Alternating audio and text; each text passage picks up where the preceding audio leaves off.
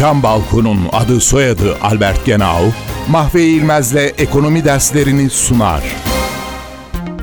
Kur rejimleri. Bir ülke parasının başka ülke paralarıyla değişim oranına kur deniyor. Mesela 1 dolar eşittir 2.90 TL dediğimizde TL'nin dolar kurunu 2.90 olarak ifade etmiş oluyoruz. Bir ülke parasının yabancı paralara göre değerinin belirlenmesinde başlıca iki yöntem uygulanıyor.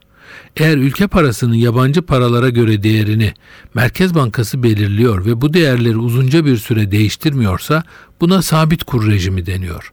20-25 yıl öncesinde dünyada sabit kur rejimi yaygın olarak uygulanıyordu.